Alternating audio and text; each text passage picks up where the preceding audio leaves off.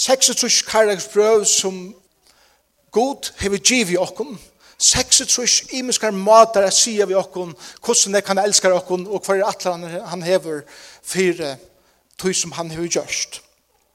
Vi byrja av helt her atre i uh, Gamla Testamentet, og vi tok det første sundagen at han fem bokon lovarinnar, og som tåsa om byrjanene, hvordan god skapte, og hvordan god utvalgte seg folk, er at utinna sinna atlan i kjøkkenen. Og så gjerne forut hukte at han søvelig boken kan vi viste å at god er involveret ved å skrive søve enda i det. Bibelen er ikke bare ena for hver til, men Bibelen er ena for er til. Og til er eisende nå. Og Gud skriver sine søve og i djøkne søvene til menneskene som mennesker opplever og fylgjast ved god til og, og, og til lære okken til i søvelig boken om at Gud skriver enn i det søve. Og han er enn i det involverer over å skriva tyna og mine søve. Og det som han innskyr at jeg få inn ut her kapitlene som vi lever som skyner så sjølvan. Så hukte det at på etenom, det er så her høvendene som, som skriver av en slik han hatt, at her finke okkon og få okkon at reflektere i vår mot liv. Hvor er jeg? Hva gjør jeg? Hvor er jeg her? Hva er ferdig? Og tar få okkon å hukse om de tingene i livet. Tar få okkon å reflektere om Og så gjerne hukte vi det profeten som får oss at reagere. Så det kommer inn i samtiden, og i søvelig boken og det tala til Israels folk som har vent gode bætje, og minne deg å er komme atter og er leiene som god til å lagt fyr deg. Og det ivast og kvui er livet så tungt, kvui er det sånn ek mågångt, kvui kommer putjen den atla tøyene og, og herjer av okken. Og tar peika atter og atter og at at gjørste tykkere tykkara her ventsar fra gode. Kom i atter og leina, fylgjes vi gode og njóti hans her sikningar. Og tar få okkom at reagera bæg på hettar at til syndum en liv som vi venda vi fra, men eisne reagera på hettar er god til enn underfotla atlan fyrir tøyna framtøy og fyrir tøyt liv. Tryggva til tøy. Føla til profeten heter, ta i god talar inn i okra liv, ta i til synd og andre okra liv som skal brøytast, reagera vi det på det. Men ikke på en sånn måte at vi missa måte, men på en måte kan vi få måte av nudjon til at han hever underfotler atlanen vi okra liv, som fylltjast vi hånden. Til gamla testamentet og i storen stråkon, og så kommer vi til nudjon testamentet, som vi byrjar på sista sundag, Mittel gamla testamentet og nødja testamentet er 400 år, som ikke er skriva i, i Bibelen, men det er skriva i øren kjelton, som vi vet nekv om, nekv, nekv imes hente i uh, Israel, og sjåan om, om alle heimen i tjøkkenes og tøy, men ta i 400 år var færen fra til Malakias eh, leie pennen fra seg, og Matteus teker pennen opp og skriver om Messias som er føtter, så får vi et presenterer jeg Jesus. Han som er ombrøtt alt. Han som gamla som hente ta seg om skulle komme. Fortell nødvendig som hente om at han er kommet. Han som gamla som hente ta seg om skulle komme er at oppfylla underfodla atlan gods av Golgata. Fortell nødvendig som hente om at Jesus Kristus gjør det. I dag er vi kommet til apostelsøvnene, som er den søvelige eh, bogen, selv om evangeliet er eisen her til hjemme, som forteller oss om hvordan så evangeliet spreddes ut om alle heimen, eh, da Jesus var ferdig opp til himmels. Og som vi sier av som skjermen her, så, så er det brøvene skriva i eh, samtøyes som løyvi i apostelsøvende gonger fyrir De første årene var det andre brød skriva hjem. Paulus var føtter om lei år 30, nei 40. Jesus var krossfester år 33, og sankum var født negat han av. Paulus kommer til Trygg, og så gjerne byrjar han sine ferier. Og så byrjar brøvene å skriva i eisen. Vi, vi, vi råkna vi at mulig var Jakobs brev, det første brevet som var skriva. Vi vet ikke akkurat og så gjennom mulig galater brevet. Men så endar apostelsøven er 2 trus med Paulus er i fengkhus i Rom, men sankommunar blå vi er veksa. Brøvene blå vi er skriva, i bare Petsbrøvene, Johannesbrøvene, og, og oppenberingen så til senast, som Johannes skriva i, men han var fengje av Patmos. Og her i oppenberingen leder så Bibelen atter. Det er akkurat som stora mynden av eh, søvegångene i Bibelen. Og i det er det apostelsøven.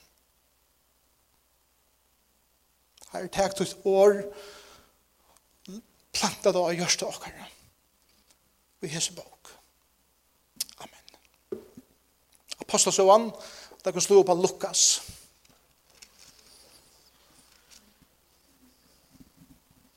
Lukas evangeliet kapitel 1.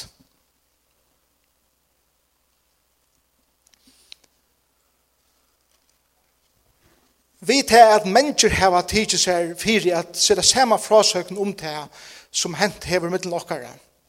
Så som teir og i fyrste tog var ekna vittne og som gjørdes tænare årsins hava sagt fyrir okkun så har vi eisen i e etter at jeg gjøttle hever rannsaka alt av fyrste tog sett meg fyrir a skriva til til nyer kvørst etter anna hottverde Theophilus. Fyrir at du kan sanna For så allydande det er som to har hørt fra sagt. Det er også ferdig til fjorda kapittel. Lukas forteller om hva Jesus gjør det. Og det er også lese vers 18 i fjorda kapittel. Ante herran sier iver mer, til han salva meg a kunngjera fatøkken evangeliet. Han har sendt meg a grua henne hjertabrottene. Jeg ber a fengum på om at heir skulle sleppa leis. Og blindun at heir skulle få sjån og gjøre kua fru. Jeg kunngjera mai og er herrens. Og så er det apostelsøen kapittel 1.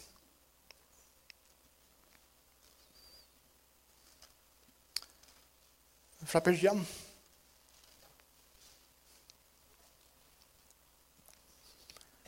Hina fyrre bogen. Hva er boga dem? Det var Lukas evangelium. Nu er det den settna bogen, bind 2. Hina fyrre bogen skriva i Theophilus. Han skriva til saman person. Om alt det som Jesus forunder å gjøre og lære, en til han det, har han tidsen opp etter at han vi heile andan hei givi apostelen som han hei utvalgt bo. Og til boi vær kunnskjer evangeliet for ødel folkasløven og døybel der til land fær sin sonar som heile andans og lær til halda alt det vi er og boi tikkun og er vi tikkun lyka til enda tøyeren. Så her sykja vi at apostelsøvan er skriva i, i, i, i en sammanheng som er skrivet til samme person.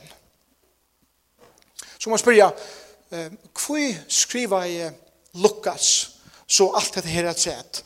Hva er nå for å fortelle hva først fiska Jesus hei gjørst, og så gjerne hva han så vujar gjørt det, og gjør noen tar lærersvenne som han kattler jeg fyllt seg her etter, og så gjerne ta her fyllt honom etter. Vi vet at vi enda av apostelsøvende sitter Paulus i fengehuset, Hvor har vi bruk for en sånn noe nagreinleire frasøkken av tog som Jesus byrja å gjøre og peker seg til helt alt gamle som hente og lykka til hendan dagen Paulus sitter i fengehus i Rom. Og vi vet at Paulus er handtidsen, han er akkardur for det bæge at, at vannvira og hoa god og Israels, men eisne for romverjon at skapa øsing i måte keisaren om at han prædikar en bådskap om en annan kong og en frelsar som folk skal fylgje etter. Og til tog han skjøyde sitt mål innenfor keisaren. Han fyrir alla veien i Caesarea som har vært tvei år i fengehus til Rom og kan syre tvei år i tredje fengehuset. Og han skal fyre ratten. Han skal faktisk fyre hakstaratt. Hva er det man bruk fyrir til man skal til hakstaratt? Man har bruk fyrir en verja. Man har bruk for einon at stande her og verja seg for domaren. Hva gjør en verje som skal verja en akardan? Han fyrreikar seg vel og kan letja av båre alt her og ta vittnesbord som, er, som skal verja tan akardan. Og anker heldur at Theophilus var sækføreren, eller verjen, tja Paulusen. Og som eh, Paulus er så klar han affæra for haksa ratt, så har han bruk for en å skriva alt her nyer, som hender fra byrjan av, og lyga til hendan dagen, hvordan evangeliet hever brett seg, og kraften og jusen evangeliet. Og hvor du har skriva? Lukas. Du har skriva. Og jeg synes ikke fyrir mer at Paulus og Lukas og Theophilus sitter her og, og, og, og, og, og tås om hva er tøtninga mykje, er få fram.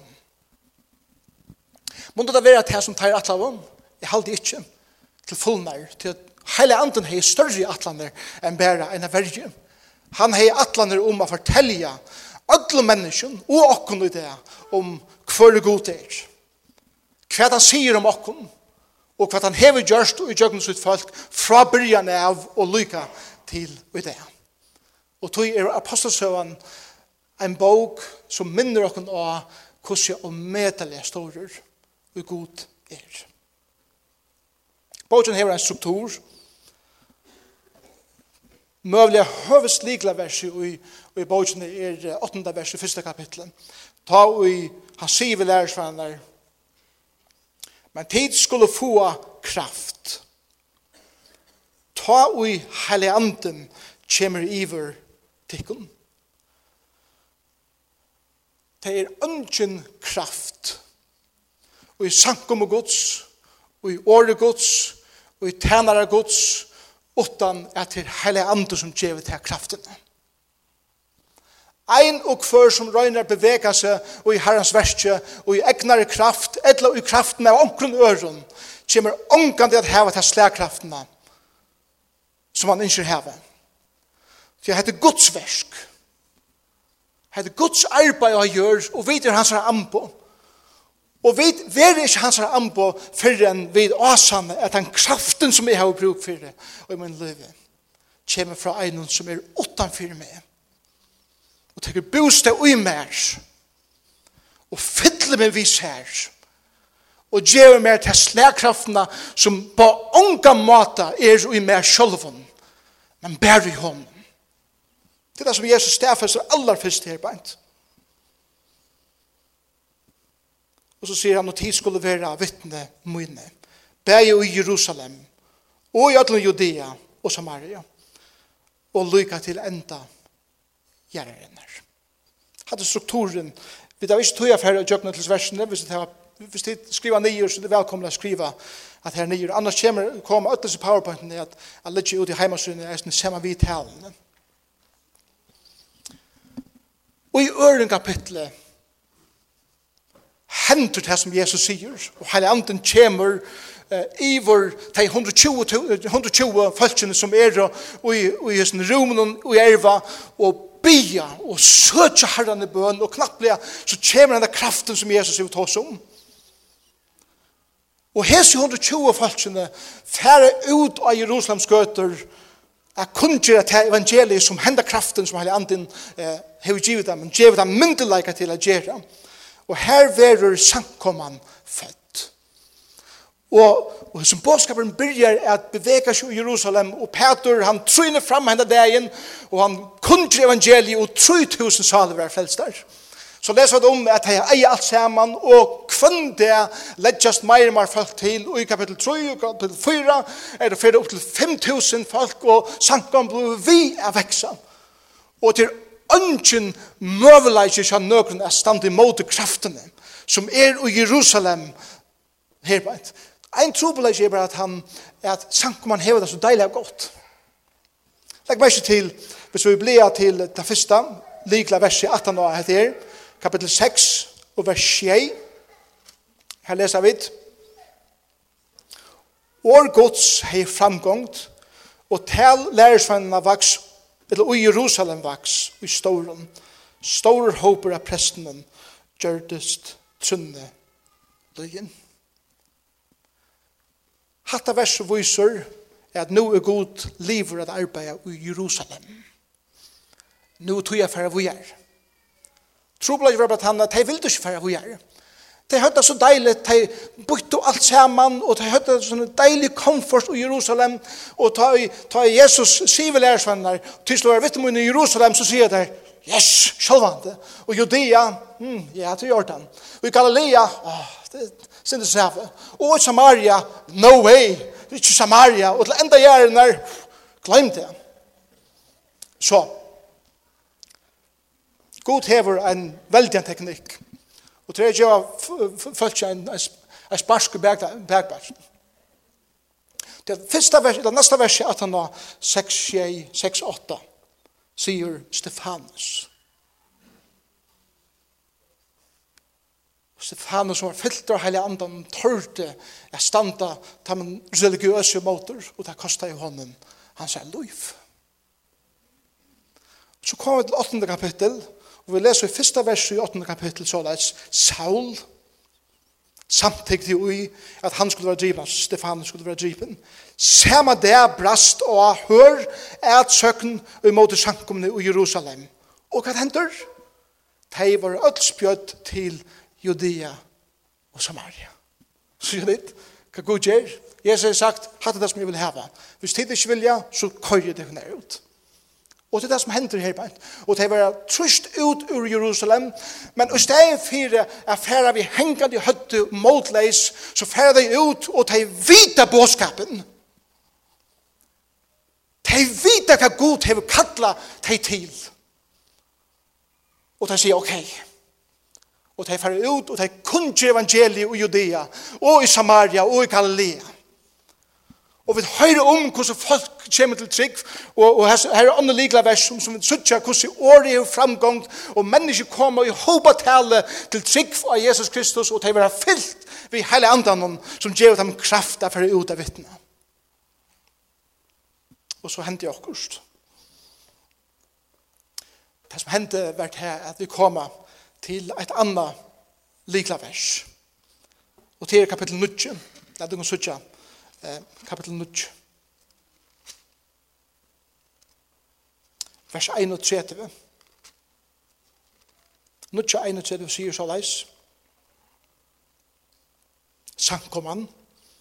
Hei nu fri om alt Judea, Galilea og Samaria. Så det? Seks jeg, Sankoman, hei nu fri i Jerusalem. Så vil den spreit ut, Og nu tjejen til det sier at nu hei hun fri i Samaria, Judea og Gallia. Hun var oppbyggt og levde i øtta herrens og vaks vi hjelp heila andans. Ønske versk utan heila andan, hva er dit? Ønske versk utan heila andan. Jesus lever enn, Ikke rettelig. Han sier, jeg har en veldig misjon etter, jeg har veldig hjerte etter for mennesken.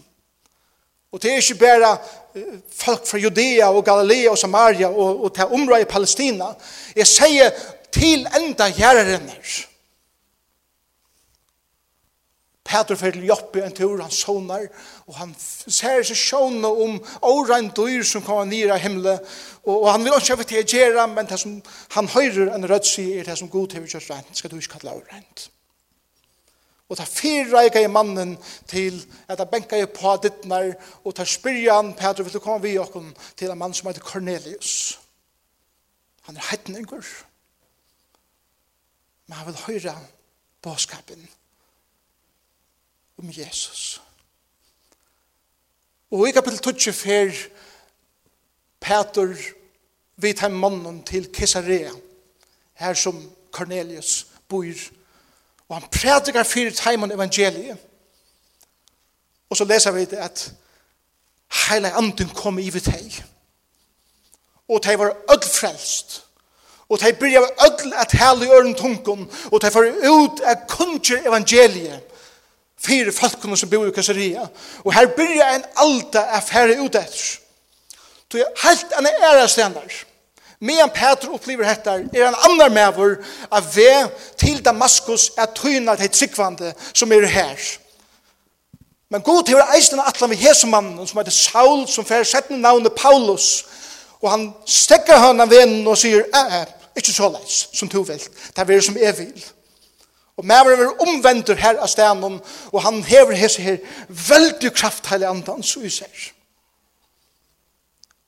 Og han fyrir første misjonsferien, han fyrir neste misjonsferien, og han fyrir tre misjonsferien, og, og evangeliet spreies ut til alt Europa. Et han kommer atle til Jerusalem. Og her møter hesten her deilige og religiøse vinnene, som ikke orska fyrir gjennom til han finner noe mer enn det som teir klare. Og det er teka. Og det er sendt til, han vil sende til Rom. Og så kommer vi til det sørste verset i Apostelsøen. Som er reisende et likla vers. Vi kan bare lese tveit til sørste versene, vers 30 og 31. Fullt tvei år var han, altså Paulus, nu og i leie herberg i synen, og heter det Rom. Ödl og i til hans har kommet tog han emalter, og han predikaje, rujtje gods, og lærte om Herren Jesus vi ödlom dyrve, og så er det likle året, og hindra år. Er Paulus som kom avgångt? Massar. Heta i åndsnan? Massar er folk ikke heta i. Men året var prædika og hindra. Og hadde vært kanskje enda lest, det skjer det ikke. Da man hikker apostelsøvende, så hokser man, ok, hva hender Paulus? Ja, men det er ikke det som er ututning. Det som er ututning er det at evangeliet, som var færen alla veien ur Jerusalem, og hei spredse som ringar ut etter, var nu enda i høvestenen i romerska rysen. Og her gikk det ut fullkomlig og hendra. Hva lærer apostelsøven noen? Hendingarna i apostelsøven lærer noen så utrolig nekv. Det første som det lærer noen er heter at sankoman vil født og hon vekser i kraft heile andans. Kære bror og søstre, løvden er en lydel tjattene av hese hendingen i Apostelsvunnen kapittel 2. Og lyga søyan ta heva sankommer vokse og byrja om, om allan heimen. Og kvantan er vi einas av ein der, eisni ui der, vera nudja sankommer ståna jeg rundt imsastanar i heimen. Er heile andre livet at virka enn i gjør? Nei, Han er til verska ennå i det, og ennå i det vera samkommer føtter. Ute i allar, allar ötnas i støvnen og i heimen og hver andre skolar og andre hospital er og her koma folk vi evangelien og samkommer vera stående her. Ikke bygningar bygder. Men folk kommer saman om Jesus. Han som kommer prædik evangeliet for heimen som er i fengar, heimen som er i blind, teimen som er nyrbøgt og sundersåra, at lyfta deg opp og gjøre deg fri. Det er det største verset som sankom av Guds gjør i heimen i det. At peika menneskene av Jesus og har vysa heimen av hva han kan gjøre i jøkken sitt folk. Jeg gledest om å være en pastor av Jesus. Jeg gledest om å sutja hva Herren gjør i okra lytla landet som heter Førjar, så lengt vekk. Paulus kommer til trygg av Jesus Kristus, som ble hessen likle personer i, i herrens tjenes i apostelsøyene, som skriver i den største parten av brøvene og i nødgjødesment. Mauren var vel ubyggven, han god heit faktisk trenan ui, ui og lovende, og han hei disse hagste gratene som man kan hugsa seg innenfor alt det religiøse, og han brente fyrir det. Han brente bare pura skarft inntil god for fætra honom. Og kolvet til hans her liv. Og all han vitan og erfaringen som han hei og æren han var frelstur, nu fullkomlig kolvelt og ble grundalegi under hesson at Kristus i tjattnen og i ötlen hesson som jeg ber på om. Er det saul her i det? er nekka saul som høyre enda bådskap i det. Som på enkla måte kanskje stender evangelien harste måter. Men jeg tykker at Gud skal få fætre det her. Og alt han vitan som du hever, og de erfaringene som du hever til en løyve, skal Gud kunne teka og kolvelte det til å bruke til ære for sitt navn. Tøyn forstøy som er her det. Min forstøy, lyda mykje hvordan hører hun er. Da vi kommer å kjenne Jesus, og han kolvet til okra liv, kan han teka alt det som vi talde være så øyelagt og så oppbrukelig, og gjøre det livande. Og han gjør okken til Paulus. Vi lærer eisen i apostelsån heter Cornelius. Cornelius. i hetningren som kommer til trygg, av Jesus Kristus. Gjøtan er hilde at vi eier henda båskapen for jokken selv. Ikke gang Jesus skal komme blant oss på i god. Helt gjøtan er. Men trobeleisen vi sankomne var eisen tann det. Sankomne Jerusalem helt til at ja, henda båskapen og henda Jesus eier bare vidt. Ok, la dem fære til Galilea og til eh, Judea en tur. Men helst ikke mer enn det. Samaria, altsen, hedningene over my dead body. Og Kristus byrjar av vise av ham. At okkar pikklet lov hoksaner om hva god mann skulle atla vi okkon er nekst større. Han er nekst større atlaner. Og hesten hedningeren som var en hundur og gjøde egen, blir frelstur.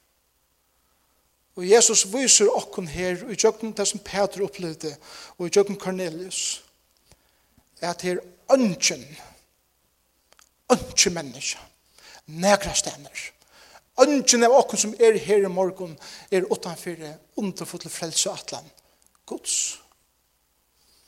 Og vi tar hoa sett okkar grenser opp fyrir hver man vil inkludera vår, og hver man vil ekskludera vår. Og vi bygger okkar murar, og vi tar okkar meiningar, og Men tog betur kom hele anden, og han kolvet i ötlun fordommen til Peter, som gjør at han får til denne mannen, og hei at han seva bådskapen om Jesus, og måtte være så at hele anden kommer inn i okra liv, og kolvet til okra fordommen om hva vi halda, og hvordan vi talte tingene skulle være, og sender okra ut til mennesker som han elskar. Jeg kunne gjøre båtskapen om Jesus. Jesus.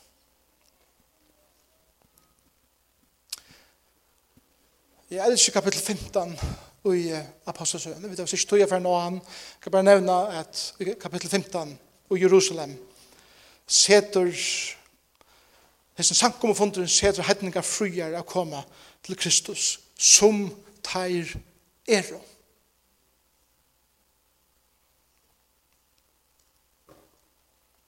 Det jødene i Jerusalem, altså tar er tryggvande jødene i Jerusalem, høyre om hva Paulus og alle henne kjære, og de høyre om hvordan eh, hedningene kommer til trygg av Jesus Kristus, og de sier, eh, halleluja, vi har sånn halvar i hånd, til at til deilig, men her er et menn. Her har du haft her selv til å hoa si halleluja, men så er et menn her, allikevel Ja, men det burde et eller annet. Og hese jötan sier, det er godt at hettene kunne komme til trygg, men det skulle omskjeres. Det skulle bare jötar. Det skulle få okkara sier. Det skulle gjøre som vit, til at vit har finnet bådskapen fra gode. Og sankom og funderen i Jerusalem, første sankom og sankommerfunder som var, seder hesten tingene på plass. Hvis jeg hesten funderen ikke var, hadde vi vært jötar i det. Og vi hadde praktisert akkurat kristendom og på en jötska måte. Jeg råk vi anker fundre hever i åren og i det.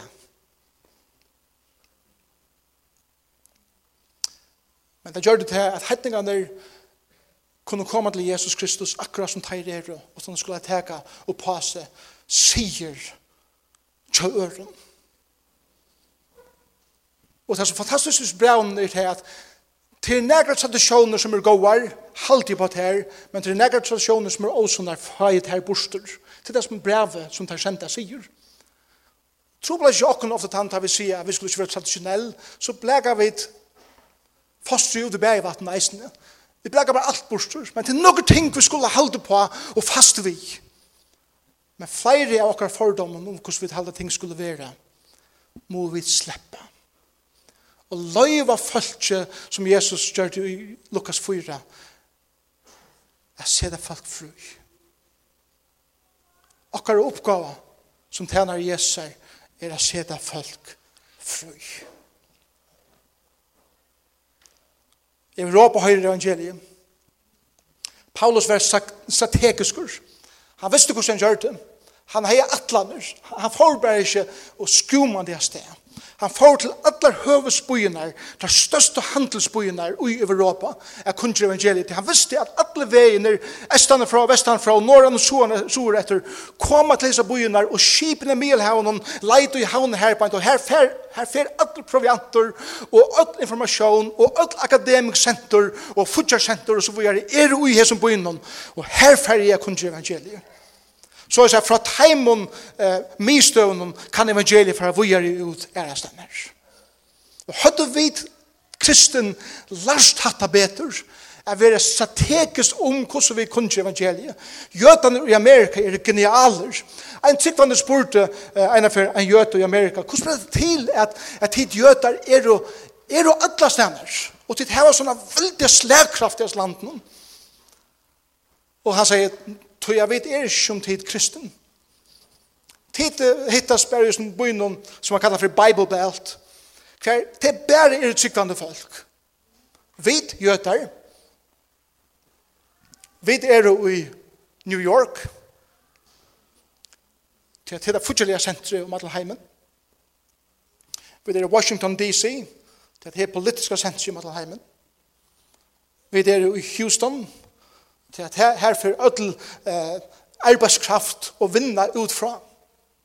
Og vi er i Los Angeles til her fyrir eh, filmsveren og kunstnarveren og alt det utom alla heimen. Og her finner vi okkara plass. Og vi involvera jo i öll hans her økjene, så at okkara bådskap kan fara ut og helt opp på hatten der. Og han sier, til kristne har han lært av okkara gjøtene. Og at de slipper dere ut ur sin pikkle til bøynen i Amerika hver öll flokka saman og få en verlig avvirskan. Men det har gjort okken eisene, og i hugsa om, om tikkun som sitter her det, det er posisjonene som tid sitter i, og i okkara landet. Det er arbeidsplassene som tid kommer og akvann det. Tan vitan som tid heva. Eh, maten er uttrykket dikken på kunstnerst. Penga megin tjatikken. Penga Og, og alt det som vi eier er givet okkon av Jesus er bruka vi tog fri eia er spreie hans her navn ut i fyrja landet og ut om okkar land. Vi må ikke gjøre en separasjon i middelen til jeg enga møte over etla arbeids etla til andalige og til verslige til en parstre av öllun heile anden fyrir ikke ur okkom til fyrir utgjørdens horene herbeint Og i nødt til løftene at man har skiltet innenfor horene, uthorene som sier «Velkommen ut av misjonsmarsjene». Vi kommer bare sammen her og fylle opp, så at vi kunne føre ut og brenne for Jesus. Og til her som kraften og avgjørskanden er. Det er tid som har avgjørskanden av hvordan kristendommeren spreies om akkurat land, ikke er som sant bare her søndag morgen og råpe. Sjalt det som er gjerrig og tuttning, ta vet jeg. Men det som er og to gjør her ute i henne denne vikene, er det som hever virkelig tøtning. Og så les enda i evangeliet i Rom, og Paulus er planer for til Spanien, men nå er det. Og evangeliet vil prætika og hindra. Det enda vi her sånn. Samme kraften, samme anden, verskar er samme hatt ui det. Trykva til tøy. Hvis du ikke trykva tøy, så er det en av grunden for det alltid så unkelig. Samme kraften, kære brød og søstre. Samme heila i anden. Verskar er samme hatt ui det. Jeg var kina for noen år siden. Og det her var en visjon i Kina som eider back to, to Jerusalem. For de så og hvordan evangeliet og apostelsønene begynner i at, at bevega seg vestrett. Jerusalem, Lytla Asien, Grikaland, Italien og Rom, Spanien, Sættene og så videre. Og det kom alle vei rundt til Kina. Mittel Kina og Israel har den muslimske heimen og den hinduistiske og buddhistiske heimen. Og kineserne har at vi sjåna at vi skulle syrja fire at evangeliet kommer atlam rinjen atur til Jerusalem. Og kineserne senda tusen av oss av trobarne ut ut av muslimske handel til trus londene som er og her alai og de byrja resesjoner og de byrja skolar og de byrja eh, business av öll mövlingslega men vi tog fri eia at vi skulle kunnje evangeliet for en heime som er utan Jesus Kristus. Vi som kraft, vi samme anda og samme hatt som det gjør de apostelsøene. Og ein del fra kineserne er Og vi ødel er marsjere inn i Jerusalem. Og vi skal synge kongen om lovsong, som heter Jesus Kristus, som sitter i hasatet. Og spurningen er, som jente. sitter han og i tunnen hasatet i det. Sitter Jesus Kristus, som og synen hasatet i tunnen livet i det. Jeg husker om til kære viner som er til det som ikke kjenner Jesus Kristus som din personlige frelsere. Kanskje er du kommet her nekv, kanskje du du alle sannsyn der, kanskje du du eisende imens i Bibelen, og du dår åra vel, hvordan tryggvande snakker og alt det, men du hever enn ikke sett Jesus Kristus som herre i tunn løyve og gjør han til en frelsere. For jeg be om det i det at du vil gjøre et løyve til Jesus. Jesus og suttje og få egen og fyre vi hele andans kraft som viskar av til bare nå at her tørver her tørver at få sjån her tørver at løster fra synderen av bonden her tørvar oppleva det som Jesus kom og er å sette fengar frujar og leie det fra myskri inn i ljøse ur deianen inn i løyve og oppleva Jesus Kristus og heile andans kraft og i tøgnløyve. Og kære tryggvande bror og kære tryggvande syster som er til det. Hvor lagt er det ikke at kalla Jesus herre, men ikke løyve hånda sitt i hasete okra løyve. Og apostel som minner okken atter og atter og mennesker som røyna at liva sitt liv i egnar kraft og den heilig andan. Og det var nyele, at han var nyele, at han var nyele. Og måtte Herren hjelpe dere. At oppleve dette. At vi kunne kalla han frelsere. Og vi kunne kalla han herre. Og i okkar liv. Og begynne å oppleve at kraftene som enn er ui okkar i det. Og å avsanna at vi ikke kunne gjøre nega utan heilig andans kraft og suttje han ferdig verska i okkar liv. Og vi skulle ha samme at evangeliet og kraft årsins gonger eisne ut fra okkon og hindra. Amen.